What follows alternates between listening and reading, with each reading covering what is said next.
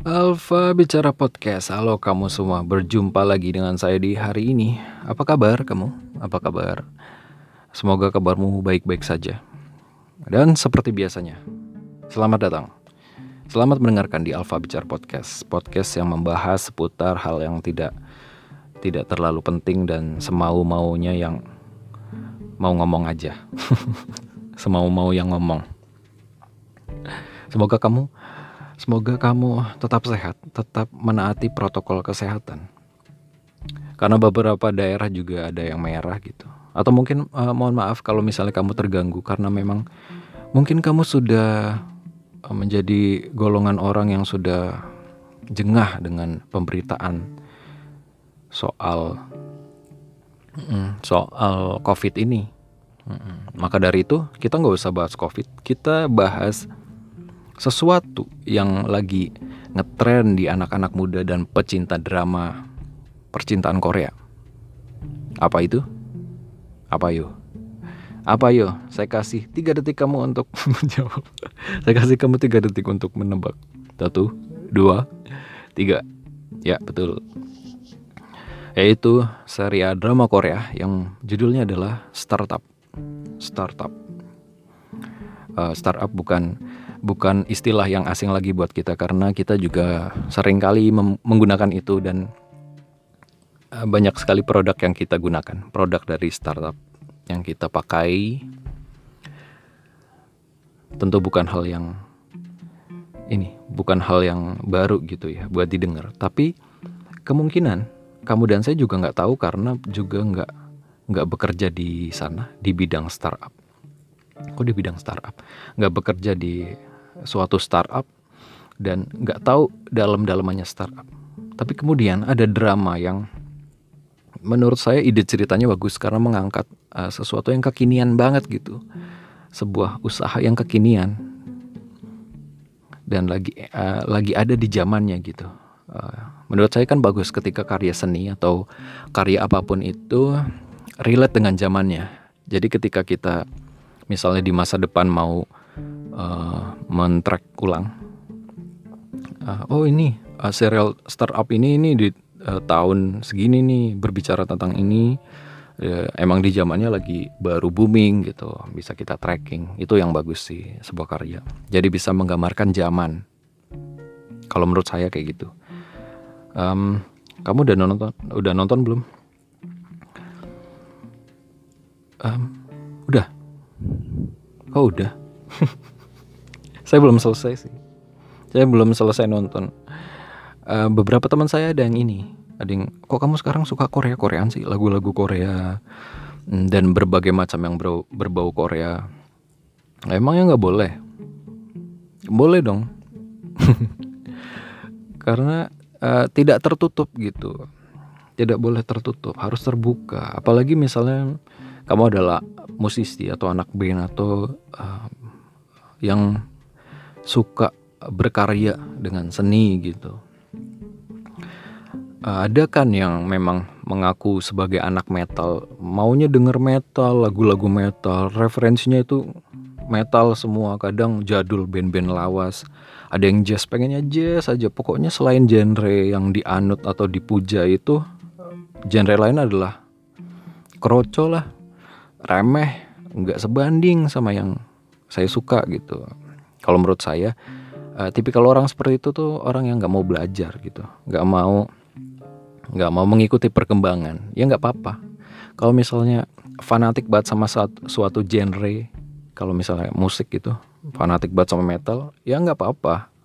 Yang jadi nggak ini yang jadi papanya yang jadi nggak bolehnya kalau menurut saya ketika fanatik dengan satu genre tapi merendahkan genre yang lain karena kembali lagi, kesukaan orang atau selera berkaitan dengan selera itu apa nih? itu relatif. Jadi bisa jadi yang bagus menurut kamu menurut kamu belum tentu bagus menurut orang lain gitu. Oke.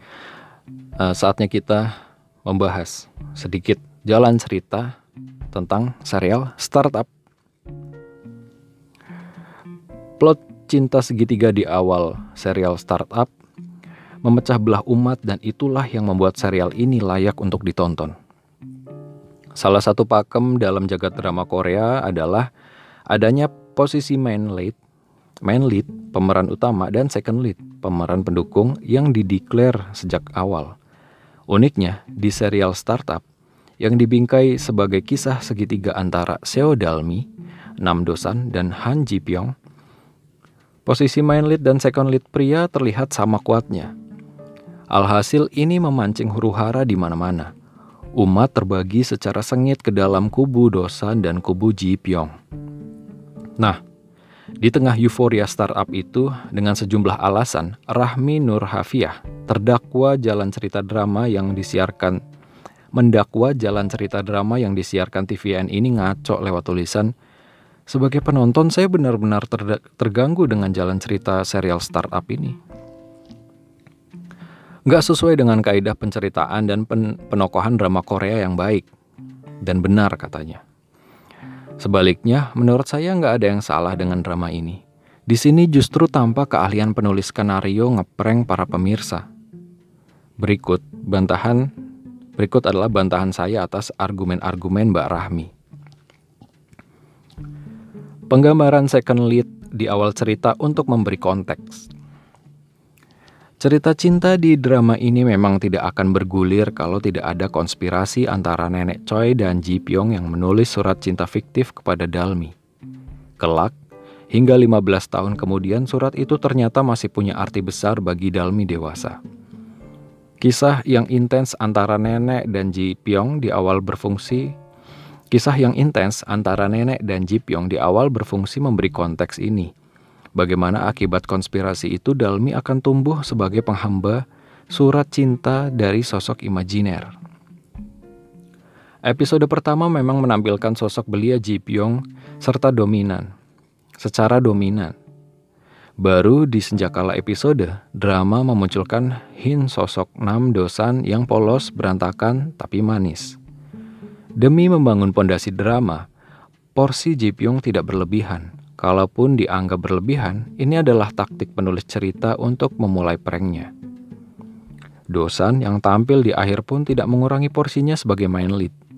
Ini menunjukkan bahwa dia memang but, memang muncul belakangan, tapi kemudian dengan lugunya akan terseret bahkan menjadi pemain utama dalam pusaran korespondensi cinta yang belum sempat kopdar itu. Kedua, selanjutnya. Mencahin kaca dan dipkis itu beralasan. Menurut Mbak Rahmi, ada lonjakan karakter aneh dosan saat doi mecahin kaca dan berani, berani nyium dalmi di episode 7. Dosan yang semula anteng mendadak jadi agresif. Tapi sesungguhnya ini sangat logis. Di episode-episode sebelumnya sudah diperlihatkan bagaimana pria tinggi menjulang itu berlarat-larat membangun startupnya. Kerja lembur, tidak berpenghasilan, jadi korban tuntutan dan uring-uringan orang tua pula. Sampai akhirnya bisa jadi member perusahaan prestisius Sandbox. Justru karena dijuluki sebagai living Buddha, banyak emosi yang mengendap di sosok yang cuma bisa merajut alih-alih misuh tiap kali marah itu. Sangat wajar kalau ketika ayah tiri Wo In Jae sengaja melukai harga diri dan kerja kerasnya itu. Ujung-ujungnya ya pecahkan saja nemtek kacanya biar ramai. Ihwal Dipkis, jangan lupa kalau Dalmi yang awalnya nyosor duluan. Dosan yang polos dan kikuk, cuma bisa terkaget-kaget. Kecupan awal sekaligus perasaan berbunga-bunga lantaran kepercayaan yang diberikan Dalmi untuk membangun startup bersama itu jadi energi bagi Dosan. Buat berani kis balik. Sama sekali nggak kecepatan Lagian momen sakral gimana sih yang ditunggu-tunggu untuk adegan kissing? Drakor Crash Landing on You malah udah menyuguhkan adegan kissing di episode 3 saat Kapten Ri dan Yun seri terancam inspeksi kapal dan tidak saling kenal betul sama sekali. Apa sih? Terancam inspeksi kapal dan tidak saling kenal betul satu sama lain. Dan itu juga sah-sah aja. Jatuh cinta masa lalu dan masa kini yang sama tapi berbeda. Dalmi memang terlanjur kepincut dengan kata-kata Jipyong di surat-suratan masa lalu yang mencatut nama Nam Dosan. Lalu mengapa ia kemudian juga jatuh hati pada dosan asli yang beda dari surat-surat sebelumnya? Tidak dipungkiri pandangan Dalmi terhadap Dosan sangat dipengaruhi surat-surat fiktif di masa lalu. Tapi pertemuan langsung dengan Nam Dosan memberikan getaran kuat. Nyatanya, Nam Dosan langsung kepincut Seo Dalmi di pertemuan pertama. Acting Nam Ju Hyuk pantas dapat pujian di sini. Mata dan gestur tubuh Dosan yang kikuk, malu-malu saat bersih tatap, bikin hati penonton ikut deg-degser, merasakan senyawa-senyawa kimia. Dalmi bukannya tidak bingung dengan perbedaan-perbedaan antara surat dan kenyataan pada diri Dosan. Ia bahkan curiga. Namun, pertemuan-pertemuannya dengan Dosan yang membuat nyaman mampu mengesampingkan rasa aneh itu. Minded jadi bucin? Masalah. Emang kenapa kalau Dosan nangis sesenggukan? Dosan adalah Dosan, dan tidak perlu jadi Kim Shin atau Kapten Ri atau Rangga atau siapa pun. Faktanya Dosan adalah lelaki polos yang ambisius. Derai air mata adalah ungkapan jujur atas perasaannya yang membuncah dan takut kehilangan Dalmi. Dan justru karena dia ambisius bagaimana dia passionate terhadap startup itulah, dia nekat nyamperin rumah Dalmi meski berujung diusir. Jadi main lead bukan berarti harus gagah dan jaim terus. Main lead boleh kok, desperate tetap boleh mengemis cinta, dan itu tidak membuat posisinya rendah. Ingat pepatah Agus Mulyadi, redaktur maskot Mojok, pendekar bahagia, bahagianya carry, pendekar bahagianya itu belakangan. Secara finansial dan pengalaman, Dosan memang tidak ada apa-apanya dibanding Ji Pyong. Tapi ada alasan kuat mengapa ia tetap pantas mendapat tempat di hati Dalmi dan penonton. Dosan menunjukkan ia bisa menjadi pasangan yang melengkapi Dalmi. Seperti judul drama ini mereka mampu start and grow up together. Setelah episode 10 akan terlihat bagaimana mereka menjadi teamwork yang hebat. Memang peran Ji Pyong tidak bisa dinafikan di sini. Tapi itu bukan satu-satunya faktor. Kalau Ji Pyong disebut punya hati selembut kapas, hati Dosan selembut sutra. Inisiatif awal Dosan memang hadir di pesta relasi Inisiatif awal Dosan hadir di pesta relasi adalah murni untuk membantu Dalmi setelah tersentuh membaca suratnya. Bukan semata karena iming-iming cuan Ji Pyong. Ia juga mengembangkan Nun Gil demi membantu nenek Choi yang perlahan kehilangan kemampuan penglihatannya. Untuk urusan perasaan, cinta Ji Pyong ke Dalmi juga tidak bisa dibilang lebih platonik dibanding Dosan. Soal surat-suratan itu, ingat, Ji Pyong kan punya Jipyong kan hanya berpura-pura, tak ada perasaan apa pun. Motif membantu Dalmi juga awalnya karena utang budi pada nenek Choi. Dalmi boleh lebih awal jatuh hati pada Dosan yang dulu, tapi Jipyong dan Dosan mencintai Dalmi di waktu yang sama, sama-sama ketika mereka sudah dewasa. Ada atau tidak ada plot twist, tidak ada yang sia-sia. Seperti yang dikatakan Mbak Rahmi di tulisannya bahwa Drama yang baik adalah drama yang dapat memberikan suatu pelajaran hidup baru, termasuk pelajaran untuk jangan terlalu berharap pada cerita sebuah drama. Maka drama ini bisa disimpulkan sebagai drama yang baik. Di luar intrik kisah segitiganya, cerita ini mampu memberi pengetahuan pada penonton mengenai dunia startup yang baik. Dunia startup baik itu dari sisi pengembangan ide, pengembangan teknologi, pengelolaan saham, hingga kompetisi di dalamnya. Drama semacam ini bisa jadi sumber pengetahuan bagi para penikmatnya. Jadi sama sekali tidak ada yang sia-sia. Adapun prank main lead versus second lead adalah jurus penulis cerita untuk bikin cerita semakin greget dan dibicarakan. Salah satu faktor orang menonton drakor adalah perbincangannya di dunia maya. Semakin dibicarakan, semakin bikin penasaran untuk mengikuti. Saya sendiri mengikuti serial startup setelah terganggu oleh konflik horizontal antara tim Dosan dan tim Pyong yang sejauh ini telah melibatkan Maudi Ayunda. Akhirul kalam untuk Mbak Rahmi yang terendus sebagai tim Pyong dan teman-temannya yang merasa kena prank karena naga-naganya, Dalmi dan Pyong tidak bisa endgame. Lalu kecewa dan menumpahkan kekesalannya pada penulis skenario, saya sebagai tim dosan hanya bisa turut prihatin. Sarangi.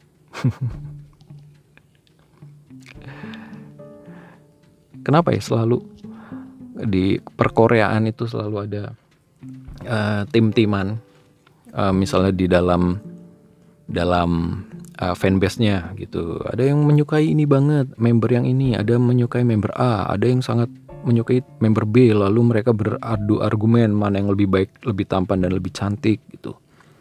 Lalu ada uh, kubu pasangan pasangan pasangan percintaan gitu.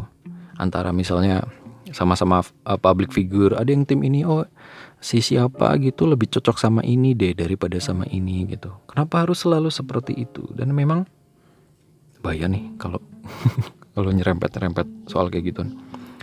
Karena uh, yang ngefans sama perkorea koreaan itu uh, kebiasaannya fanatik gitu dan itulah yang sering kali dimanfaatkan biar uh, hype-nya tumbuh seperti misalnya fanbase-nya boyband atau girl band Korea siapa gitu. Pasti ketika video klip dari boyband atau girl band itu baru naik, um, fanbase fanbase-nya itu yang di bawah atau di sosmed yang ada yang nggak anonim, ada kebanyakan ya ada yang anonim gitu langsung membagikan link. Uh, ayo tonton sebanyak-banyaknya, di like sebanyak-banyaknya, di share, share, share gitu. Sangat sangat loyal sekali ya. Itu yang cukup menarik buat saya. Bagaimana bisa mengengage orang dengan banyak dan mereka merasa dekat dengan idolanya. Jangan dekat malah rela beli uh, rela beli merchandise mereka yang mahal, uh, rela datang ke konser, menyebutnya apa sih? Uh, konser yang mahal juga tiketnya. Kalau dulu JKT misalnya Wota. JKT48 rela buat antri buat handshake atau buat ngobrol gitu. Ya kenapa? Bisa dibilang uh, fans-fans garis keras dan besar yang seperti ini adalah pahlawan bagi idolanya. Karena tanpa mereka tanpa penonton tanpa orang-orang yang sangat mengagumi sangat-sangat mengagumi itu mereka nggak bisa apa-apa. Mereka bukan siapa-siapa dan nggak bisa grow up gitu nggak bisa tumbuh jadi lebih besar dan lebih terkenal tanpa mereka. Tapi terkadang juga sisi negatifnya kadang seperti tidak apa ya uh, kalau misalnya berseteru seperti tidak berseteru untuk hal yang penting gitu kadang-kadang seperti itu dan ketika seperti saya orang di luar dari pengetahuan uh, perkoreaan yang uh, sangat sangat ahli gitu. Saya kan nggak ahli. Ketika mereka yang ahli ini yang sangat expert ini tentang perkoreaan dan perboybandan, girlbandan itu beradu argumen. Saya sebagai orang luar, uh, mereka kalian ini ngomong apaan sih? Uh, kalian ini lagi apa konteksnya gimana ini saya nggak tahu gitu mereka seperti asik sendiri Yalah mereka adalah pahlawan bagi idola-idolanya. Uh, pahlawan kita siapa?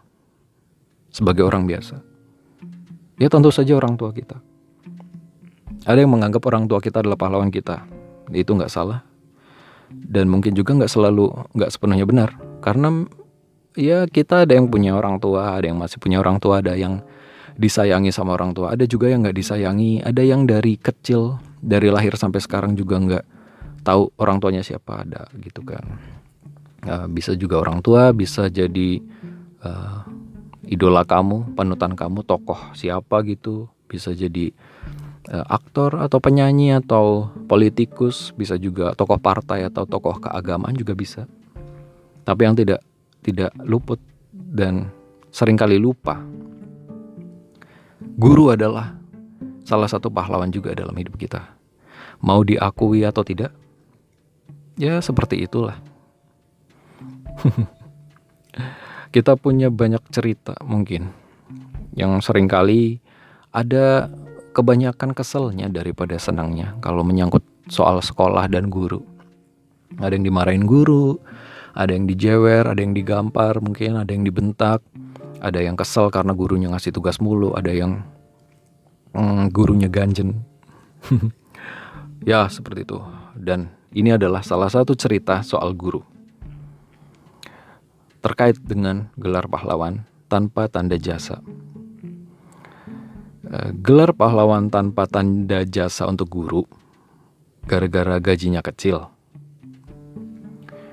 Pemberian gelar pahlawan tanpa tanda jasa untuk guru menyisakan pertanyaan bagi saya. Apa sih tolak ukurnya? Karena gaji kami kecil gitu. Sejak menjadi guru 16 tahun silam, saya sering bertanya-tanya pada gelar pahlawan tanpa tanda jasa yang kami sandang.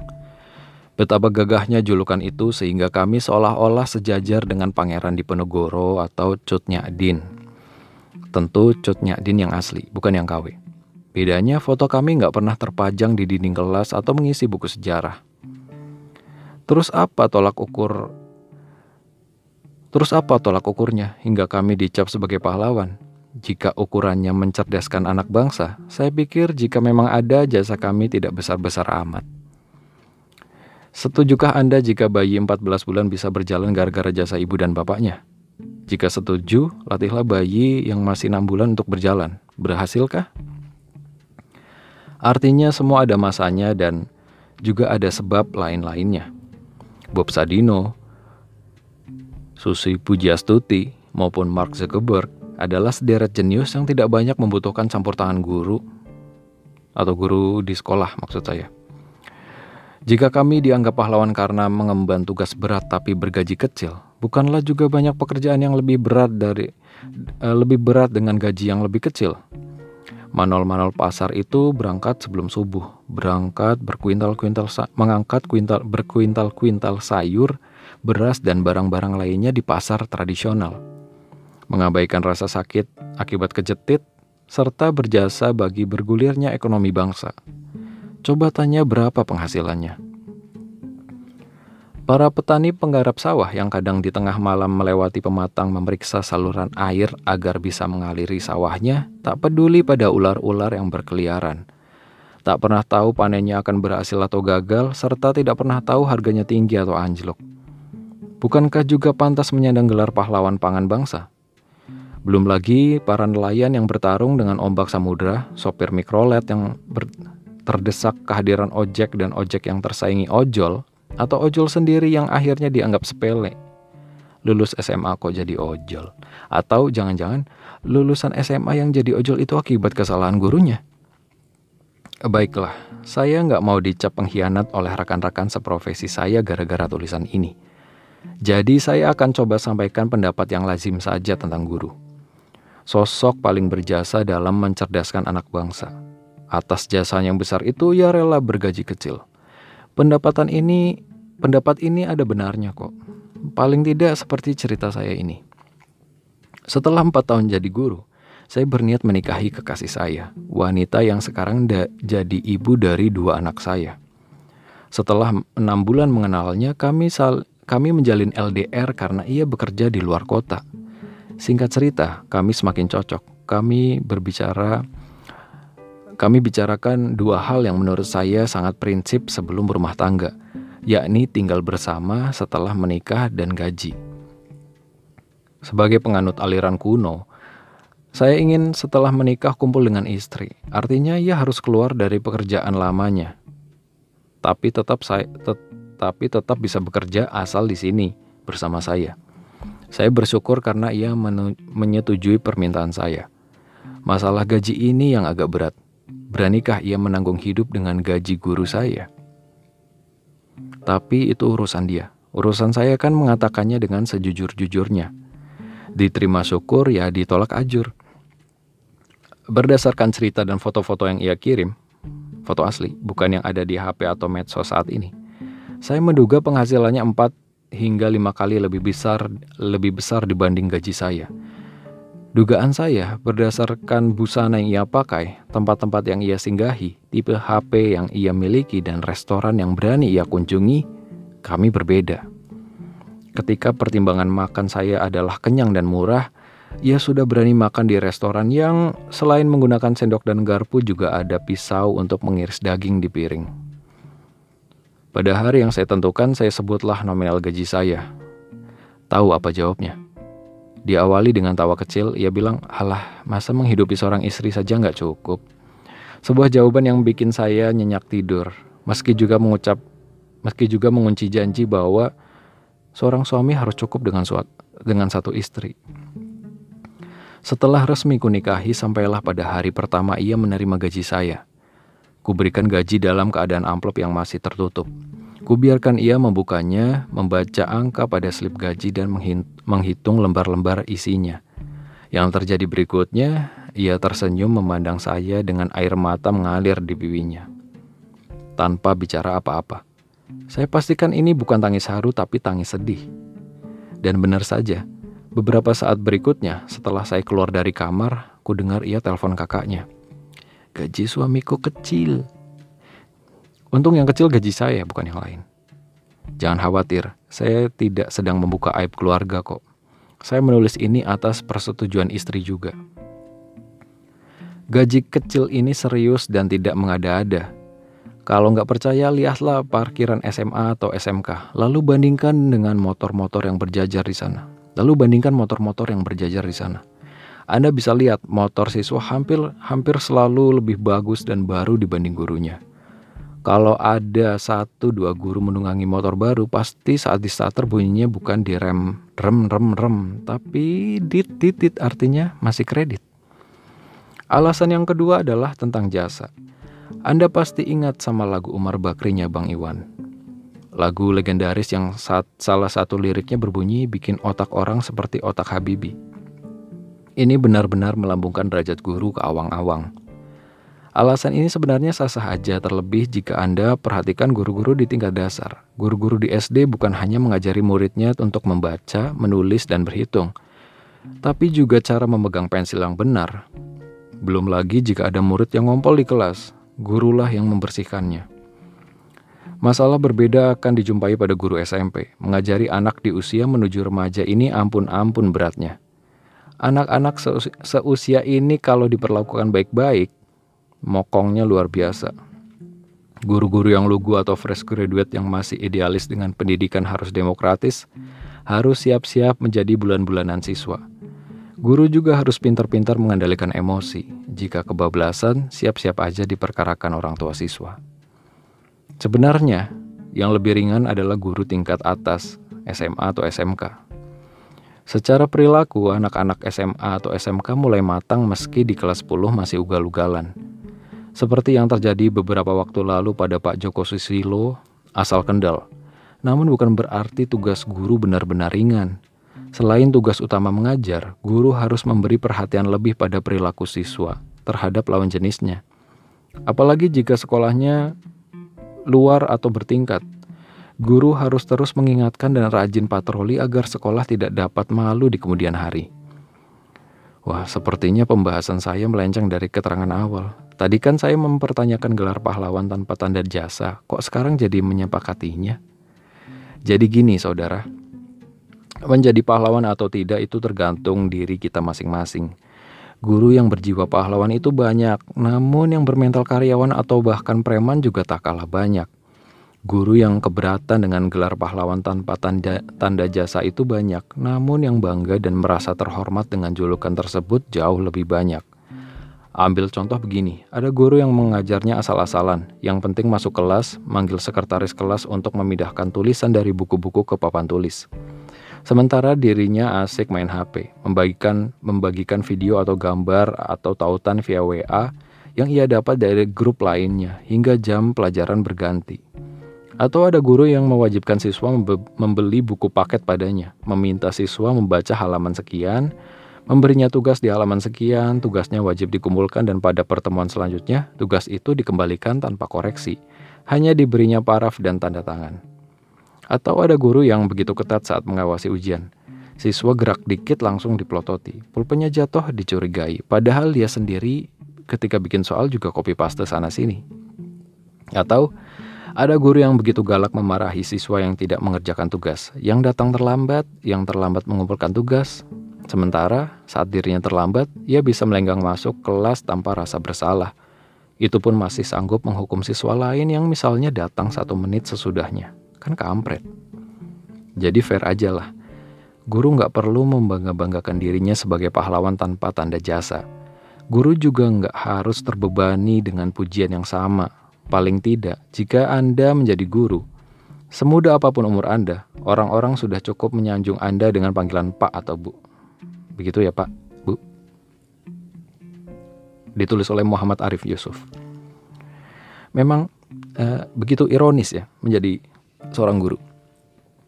Ya, ini masalah yang sangat pelik karena saya punya harapan dan mimpi ketika ada era seperti saat ini, era yang era yang saat menjunjung tinggi dengan budaya konsumerisme. Jadi uh, kepemilikan barang atau aset yang besar itu sangat di, dijadikan target untuk hidup.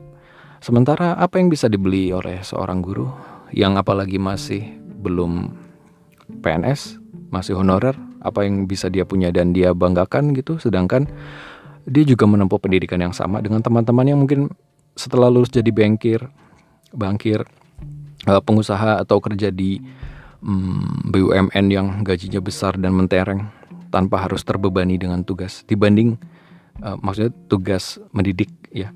Dibanding dengan uh, seseorang yang setelah keluar itu harus menjadi seorang guru yang tugasnya mendidik uh, kurikulumnya harus uh, dalam kurikulumnya harus uh, menela eh, menela uh, meneliti uh, nitiki gitu. Setiap siswa-siswanya karena akan dinilai tapi gajinya nggak seberapa. Lebih banyak uang yang dihasilkan dari dagang asongan atau jadi tukang parkir daripada jadi guru. Sedangkan tugas dan tanggung jawabnya sangat besar. Kalau guru salah mengajarkan kalimat atau unggah-ungguh atau cara untuk menyelesaikan dan menghadapi sesuatu dampaknya bisa panjang dan bisa jadi dosa jariah, bisa juga jadi pahala jariah kalau misalnya benar. Saya bermimpi kalau suatu saat saat ini kan yang mentereng, oh saya pengen kerja di startup gitu. Kerja di startup dan di bagian IT adalah suatu kebanggaan dan kekinian banget nih. Saya bangga nih kerja nggak harus ke kantor pakai pakai pakaian bebas, fleksibel dan macam-macam. Ya saya pengen guru ada di titik itu uh, ada anak yang memang ingin menjadi seorang guru karena pengen pengen berbagi ilmunya. Tapi uh, sematan kalau menurut saya ini pendapat saya sudut pandang saya. Kalau um, pemberian gelar pahlawan tanpa tanda jasa dan diberikan hari guru nasional itu itu nggak ada artinya tanpa uh, kontribusi yang kita balas buat mereka. Kita boleh menyematkan itu semua, memberikan apresiasi, tapi juga kita harus profesional. Ketika guru di dituntut untuk profesional dalam bekerja dan mendidik, ya bayarannya profesional e, karena sekolah berkuliah itu tidak murah. berkuliah itu tidak murah, mendidik anak itu tidak tidak murah. E, bayangkan saja, menurut saya saya pernah berpikir kayaknya lebih menguntungkan membuka les-lesan daripada jadi guru sekolah. Karena dibayar per jam dan jelas dan tidak harus membuat aturan macam-macam dalam berbusana. Yang penting uh, tujuannya, goalsnya, murid orang yang kita ajar itu tahu materi ini ini ini uh, dapat nilai yang bagus gitu. Sedangkan guru kan tidak cuma soal nilai, ada peraturan dan uh, apa ya menempa uh, tempaan yang nanti menghasilkan bentuk bentuk seorang manusia secara mental, pikiran dan hmm, perkataan yang keluar. Ibaratnya orang tua kedua, seorang guru di sekolah juga membackup tugas orang tua mendidik mental dan segala macamnya, tergantung tingkat pendidikannya. Ya paling enggak, paling enggak ya setara sama apalah. ya kadang heran.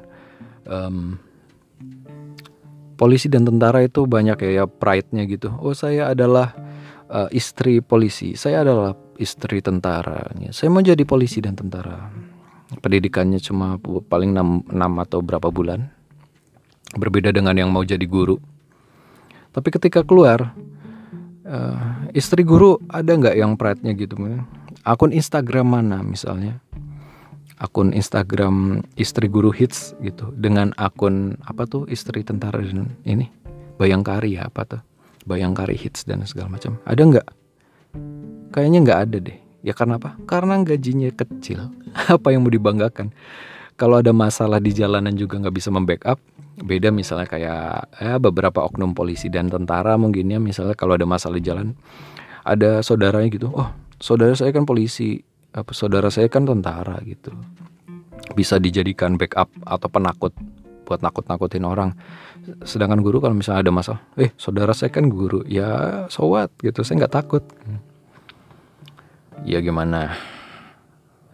Saya menolak banget untuk sesuatu yang seremonial dan nggak um, nggak berwujud. Kalau memang harus profesional, ya dinilai dari kerja dan dan bebannya, tanggung jawabnya, dan apa yang sudah dikerjakan harus sesuai dengan apa yang mereka dapat gitu. Jangan sampai um, guru, seorang guru-guru yang sudah sepuh dan hampir pensiun itu disepelekan oleh murid gara-gara bondone kalah karo murid hartanya atau kepemilikannya pride-nya itu kalah dibandingkan murid yang orang tuanya lebih kaya. Jadi si murid bisa bebas mencemooh gurunya menyepelekan gurunya. Hanya karena gurunya terlihat kere miskin. Jangan sampai seperti itu. Kalau saya sih saya gampar ya. Murid yang seperti itu saya gampar. Saya gampar di depan orang tuanya tentunya. Ya karena bentuk. Kok galak sih? Karena seorang anak itu kalau menurut saya lagi-lagi sudut pandang saya seorang anak itu tabiatnya bentuknya itu itu ya dari didikan orang tua awalnya. Basicnya itu dididik orang tua. Jadi kalau dia bersikap gimana gimana gimana di luar itu berarti ada yang kurang pas atau bahkan salah di dalam rumahnya dari pendidikan orang tuanya. Jadi bukan ininya eh, tanggung jawabnya guru doang. Ya seperti itu. Saya mau dan bermimpi gitu di suatu saat di suatu ketika seorang guru adalah cita-cita yang dikagumi banyak orang, diinginkan banyak anak-anak karena duitnya banyak gitu. Duitnya banyak, Lalu kalau mengajarkan hal baik hal baik ditiru dapat pahala jariah eh, kan enak banget gitu dunia akhirat dapat masa akhirat doang. Masa ini harus pengabdian gitu. Pengabdian dong. Uh, ikhlasin aja nanti kan dibalas di surga. Surga nggak buat kenyang oke? Okay? surga nggak buat kenyang. Ya kita bisa sabar. Tapi kan kita pendidikan 4 tahun paling enggak nggak beberapa bulan doang gitu ya. Nggak tahu sih. Ya seperti itu. Agak sentimen soal guru karena orang tua saya juga guru. Tapi alhamdulillahnya ya rezekinya ada gitu. Tapi telat maksudnya. Anak-anak udah gede baru stabil. Kalau dibanding teman-teman saya yang sekarang wah baru berapa tahun kerja udah bisa kredit rumah beli mobil. Zaman dulu ya orang tua saya pernah gaji sebulan itu 250